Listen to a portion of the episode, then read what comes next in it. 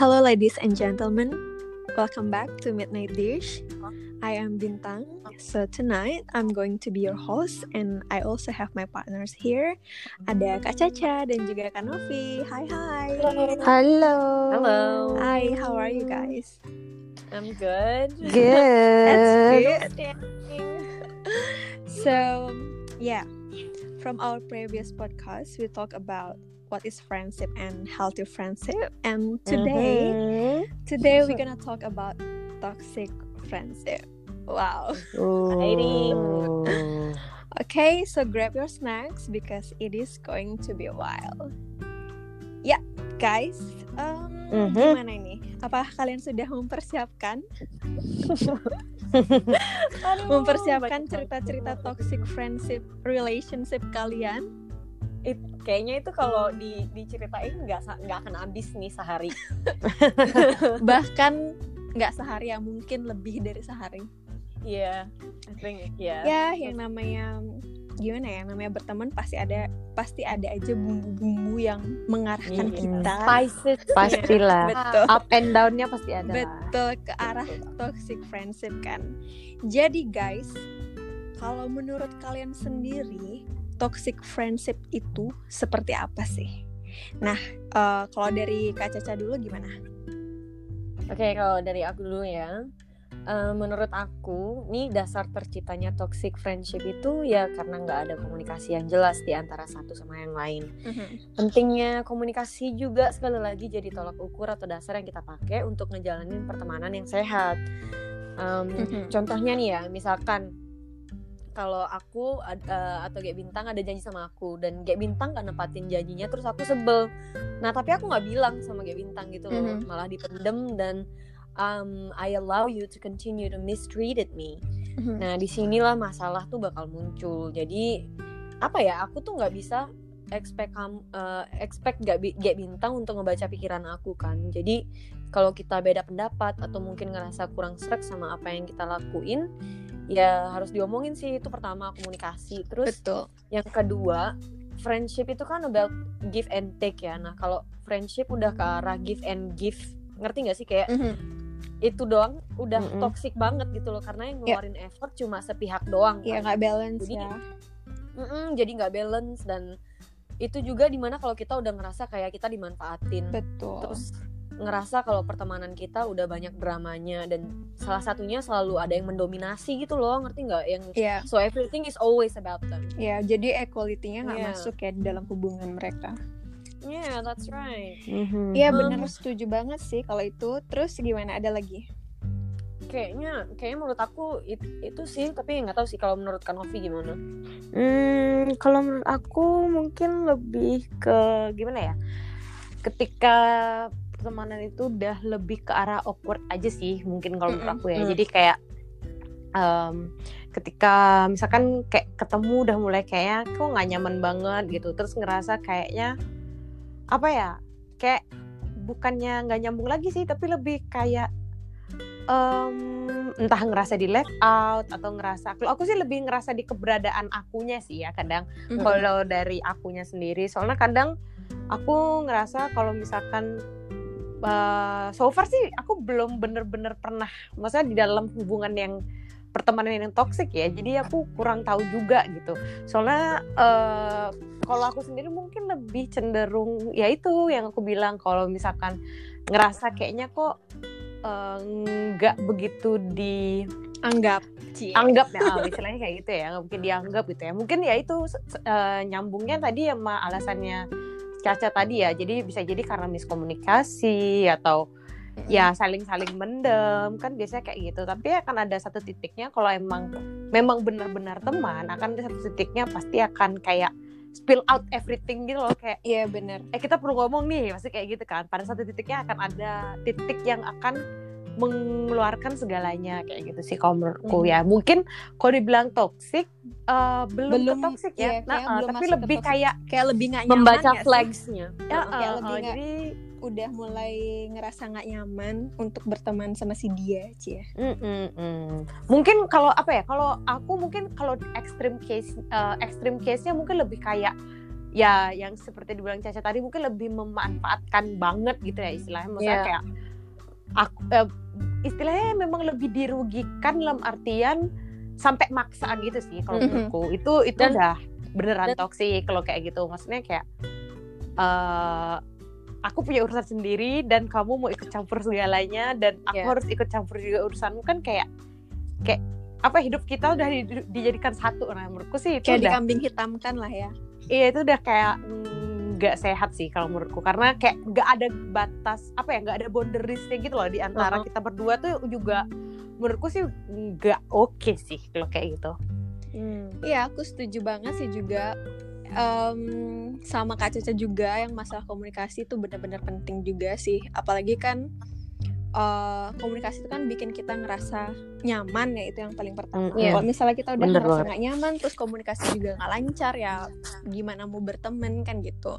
Mm-mm. Dan sama Kak Novi juga, aku juga setuju banget ketika kita udah mulai ngerasa tidak nyaman berhubungan sama seseorang pasti bakalan muncul perasaan-perasaan canggung atau Mm-mm. kayak ngerasa ih dia kayak gini nggak ya kayak pikiran-pikiran negatif lah ya yang Mm-mm. mungkin bisa muncul di pikiran kita. Tapi kalau menurut aku sendiri kalau toxic friendship itu ya hubungan pertemanan yang pasti merugikan salah satu sisi gitu kan. Ya namanya Mm-mm. juga toxic um, yang di mana yang lebih yang lagi satu itu di- diuntungkan dan kitanya merasa dirugikan gitu Mm-mm. ya emang nyebelin sih kalau misalnya kayak gitu cuman kan ya gimana ya sejatinya kan pertemanan tuh harusnya kayak saling bahu membahu Saling melengkapi, mm, saling saling melengkapi susah senang Mhm. bersama. Sama lah kayak relationship gimana gimana kita pacaran ya gitu juga temenan gitu. Iya benar-benar Ya nggak setuju sih? banget. Ah, ah, Mm-mm. benar. Ya kurang lebih gitulah. Ya. mau gimana lagi? Oke guys. Kalau nah kalau tadi aku udah tanya menurut kalian kalian. arti dari toxic friendship dan sekarang aku pengen tahu nih ini terserah kalian ya entah pribadi ataupun pengalaman pribadi ataupun ngeliat dari orang lain kira-kira ciri-ciri atau sign-sign orang atau seseorang atau mereka lah yang punya hubungan toxic friendship tuh yang kayak gimana menurut kalian? Hmm, kalau dari aku dulu ya, mungkin um, biasanya sih ciri-cirinya udah kayak um, dia tuh udah directly gitu loh, misalnya kayak eh bayarin dong, eh kamu dong yang ngerjain ini kayak gitu loh, udah kayak directly demanding gitu loh kalau Mm. menurut aku sih. Jadi udah udah nggak senyap-senyap lagi gitu, udah frontal gitu loh istilahnya. mungkin Ya udah sih, kayak nggak ada rasa malunya gitu ya. Ah, ah, mungkin lebih kayak gitu sih. Jadi em, terus kalau menurutku mungkin sign-sign lainnya kayak apa ya? Em, intinya kalau dia nggak merasa diuntungkan, mungkin dia kayak mencari alasan gitu sih, mungkin. Mencari Dan- sesuatu lah yang bisa dia manfaatkan Mm, mm, dari kita. Mm, mm, mm. Dan mungkin kalau aku kurang tahu ya, kalau mungkin bisa jadi juga dengan dia tuh bener-bener apa ya tergantung sih interestnya dia apa gitu kan kadang ya Hmm. soalnya kita kan nggak pernah Ada yang tahu tugas intention gitu tiap kan orang misalnya. apa kan Ah. jadi misalkan kalau emang intentionnya memang ada something dari kita yang ingin dia dapat gitu kan Mm-mm. misalkan entah fame entah I don't know gitu benefit apa gitu kan jadi ya biasanya itu kelihatan jelas banget sih kalau menurutku maksudnya dalam artian walaupun mm-mm, mm-mm, dari cara dia patternnya kelihatan SKSD atau Cie. apa gitu kan banyak kan ya SKSD gitu kan. kalau misal nah kalau misalnya kalian nih guys SKSD. ada aku udah lama misalnya banget ya, contohnya temen SKSD. yang tiba-tiba ngefollow kalian di Instagram kalau menurut kalian itu sudah bisa dikatakan temen atau enggak sebenarnya di dunia, di dunia nyata itu kalian nggak saling kenal Hmm. gitu cuman kan dianya itu kayak ngefollow kalian dan kadang kan ada orang yang ngerasa oh kita temenan nih soalnya kita udah saling follow kayak gitu Mm, Cie. mm, kalau mm, kalian mm. sendiri gimana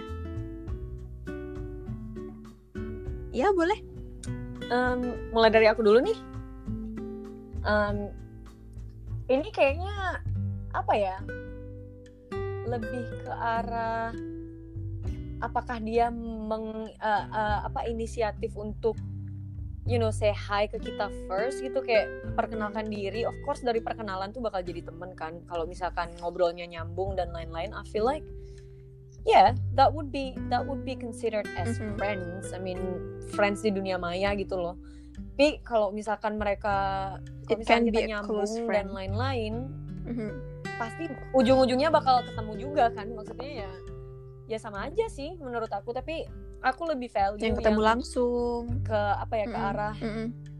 kenal dulu baru follow kali ya Heeh, jadi kayak gitu tapi aku tetap aja sih kayak kalau kalau mereka nice sama aku intinya ya udah aku juga nice aku juga nice dan ya of course kalau kan um, gimana aku Kalau aku sih sama ya, aku tergantung juga sih orangnya dan aku sebenarnya sih beberapa emang ada. Iya, Jadi kita tuh kenalnya juga. tuh karena di sosial media gitu. Jadi kalau dulu tuh karena aku kan Mm-mm. kadang foto-foto travelingku di repost kayak gitu. Terus jadinya ada yang nanya-nanya kayak eh kalau traveling ke sini gimana kayak gitu. Jadi bahasan awal tuh lebih kayak traveling atau masalah hiking sih. Mm-mm. Makanya seperti yang dibilang Mbak Caca tadi, eventually kita bakal end up pasti ketemu face to face gitu sebenarnya. Kalau emang nyambung gitu kan istilahnya. Dan aku pas kalau yang udah kayak gitu pasti consider udah sebagai teman sih.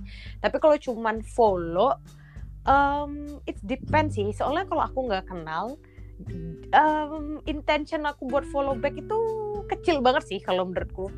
Karena ya aku nggak kenal ya Iya, kan benar. pasti dan kadang emang sih kalau ada yang follow pasti kita ngeliat dong dia nge-follow siapa aja apakah itu mutual friends kita atau gimana gitu kan nah biasanya kalau semakin banyak mutual friends-nya oh berarti ini Mhm. mungkin aku tahu orangnya pasti gitu kan Mhm. maksudnya kita udah bisa menerka-nerka lah oke ini orang gue kenal deh Iya. tapi yang mana ya pasti kayak gitu kan mungkin pernah denger atau gimana gitu kan jadi ya sebenarnya kalau cuman ngefollow belum eh, apa ya berarti belum bisa dikatakan sebagai Yes, teman ya it's not 100% means that we are friends like we actually friends gitu ya. Seperti yang Hmm. Blake Caca tadi sih ya mungkin teman dunia maya it could be gitu kan. Mhm. Tapi aku lebih ya sama sih, lebih prefer yang udah pernah ketemu dan kita follow-followan oke lah gitu. Oke, dan terus juga kalau misalnya dari Kak Caca sendiri, kakak pernah punya pengalaman nggak sih kalau pengalaman pribadi atau nggak ngelihat dari teman-teman sekitar yang ya ciri-ciri atau sign-sign lah dari toxic friendship itu sendiri? aduh aku ketawa Curiga Um, nih aku. sebenarnya banyak banget sebenarnya banyak banget kan ya Em, nyambung juga sama yang apa yang aku omongin last week kan ya. Aku sempat bilang kalau so far nggak ada yang nyakitin aku. Ini tuh dalam konteks dalam lingkungan aku sekarang ya circle aku sekarang. Nah aku mau confirm sedikit em, kenapa menurut aku teman-teman aku pada baik semua. Itu tuh karena aku em, I don't allow them to hurt me you know? Kalau aku udah mulai membaca red flags dalam pertemanan kita aku tuh bakal otomatis kayak bangun wall in front of me gitu loh supaya aku nggak nggak getting hurt you know. Um, karena dulu aku itu orangnya yang begitu mentoleransi kelakuan orang-orang meskipun mereka mistreated me so many for so many times and then and then I always blame myself for it. Jadi itu jadi cycle gitu loh. Dan makin makin ke sini tuh aku makin ngerasa kayak apa ya kok kok aku kok aku kayak gini gitu loh. Kenapa sih aku selalu jatuh ke dalam pertemanan yang yang begitu toxic dan you know I need to get out of this dan apa ya karena karena jadinya terus aku sempat mikir juga oh aku sempat mikir juga kayak oh mungkin karena aku kayak gini jadinya dia bersik- bersikap kayak gitu Iya. sama sama aku gitu loh intinya aku menyalahkan diriku sendiri em, meng- entah meng- Mungkin entah karena kakak gitu pada saat itu karena merasa nggak enak karena kan. karena mereka takut kayak gitu menyakiti sama aku. perasaannya dia jadi Iya. ya ngalah aja Iya, gitu. that's right. Karena aku push over gitu loh dulu. Mm-mm. Tapi semakin lama aku juga banyak sema apa ya pelajarin tentang pertemanan juga gitu. Jadi aku belajar gimana caranya speak up tentang perasaan aku dan memilah mana yang baik untuk kesehatan mental aku dan mana yang enggak gitu kan. Contohnya nih ya, contohnya aku pernah berantem sama si A, terus balikan, baikan, baikan, terus baikan lagi kan, terus kita lanjut temenan, tapi cuma aku doang yang usaha gitu loh untuk memperbaiki pertemanan kita. Karena of course setelah kita berantem pertemanan kita nggak akan kayak dulu lagi kan, kayaknya nggak akan ada yang kayak gitu deh. Jadi aku kejadian itu kejadian sama aku dan aku ngerasa aku tuh mulai capek gitu loh untuk ngebiarin diri aku sendiri yang berusaha memperbaiki pertemanan kita. Terus sampai sampai one day gitu aku bilang sama diri aku sendiri kayak oke that's it. I won't let you do this to me anymore gitu. So I'm cutting you off of my life. Dan ini something yang aku pelajarin lama banget sampai aku bisa punya courage gitu loh buat apa ya buat Mhm. oke that's it. That's enough gitu. Terus mem- iya memutuskan untuk tidak tidak disakitin lagi. Terus aku juga pernah ngerasa takut punya temen tapi tak- takut juga em, apa si A bakal benci aku tapi Iya. ternyata aku tuh nggak apa-apa gitu loh setelah aku memutuskan hubunganku dengan dia aku tuh nggak apa-apa dan aku sekarang nggak peduli sama sama apa yang dia pikir tentang aku and I have never been happier I'm telling you this dan dari situ aku belajar untuk nggak toleransi apa pun yang menurut aku bakal nyakitin aku gitu loh dan I learn that cutting toxic people off of your life will save you from getting hurt Mhm. Wow. Iya, gitu Ya emang sih ya, kalau menurut aku setiap point. orang itu punya pengalaman pengalaman yang mereka sendiri yang bisa bikin mereka tumbuh jadi orang yang lebih dewasa dan ya kayak aku pribadi sih juga sempat dua tahun yang lalu kalau nggak salah kayak nggak gimana ya ada masalah sama temen jadi masalah itu kayak ngerasa dia tuh Mhm. bilang gimana ya ketika kita berteman pasti kita tuh cerita tentang apa pun itu entah mau rahasia kita privacy kita dan Iya. dia tuh kayak bikin aku ngerasa dihianati cie iya jadi privasiku itu dibilang disebar ke gitu orang yang Kayak, aku paling nggak mau tahu nggak mau dia tahu Hmm. gitu. Ngerti ngerti. Jadi saat itu kayak aku Ah, mulai kayak ngerasa ada trust issue that's gitu ke teman aku dan kita udah temenan kayak bertahun-tahun kayak aku ngerasa loh kenapa sih? gitu. Kita kan udah berteman bertahun-tahun dan aku pun udah membiarkan diri aku tuh seterbuka mhm. mungkin untuk dia gitu tapi kenapa sih hal ini Iya. yang seharusnya Iya, dia nggak bilang ke siapa-siapa malah dia bilang ke orang yang aku paling nggak mau dia tahu gitu Mhm. jadi pada saat itu aku butuh waktu Yeah, that's right. awalnya aku kayak ngerasa oke nggak apa-apa coba untuk memaafkan tapi kayak ngerasa setiap kita mengingat itu tapi gimana ya perasaan sakit tuh selalu muncul gitu Dan- Mhm. Hmm. iya Terus kamu saat akan mau cerita lagi sama gitu dia gitu? cuman butuh waktu kurang lebih satu tahun untuk aku untuk gimana ya ikhlas buat biasa aja ke dia dan buat memaafkan gitu sebenarnya udah mencoba buat memaafkan cuman ketika dipikiran lagi itu kayak perasaan sakit tuh kayak masih gitu kayak nggak Hmm. nyangka aja si dia Mhm. bakalan kayak gitu ke aku kayak gitu Iya. cuman ya sekarang Iya. udah ya biasa aja you. tapi ya balik lagi Mhm, mhm. karena aku udah terlanjur nggak percaya ke dia ya emang udah nggak bisa sedekat dulu lagi gitu Iya. Mhm. ya begitulah guys Iya. oke thank you ya buat hari ini dan Iya. pesan aku juga buat teman-teman jadi intinya bersosial bersosialisasi dan beraktivitaslah dengan teman yang bisa membangun nih guys. Dan dan yang pasti memberikan dampak positif ya ke hidup kita. Dan itu dia buat kita hari ini. Bener, topik kita hari bener ini lumayan lama juga ya. Yang pasti minggu Oh. depan yang pastinya minggu depan kita bakal ngebahas Iya, nggak ada habisnya. Bagaimana cara menjaga pertemanan dan juga Hmm. kalau misal kalian di rumah ngerasa topik kita menarik mungkin bisa di share kali ya Yoi, kalian. jangan lupa kalian untuk respon terus bisa kirim DM ke mana Caca? Ke midnight dot. Oke deh, itu dia deh buat Di kita malam Instagram. ini. See you next time and have a good night. Bye bye. See you next week. Have a good night. Bye.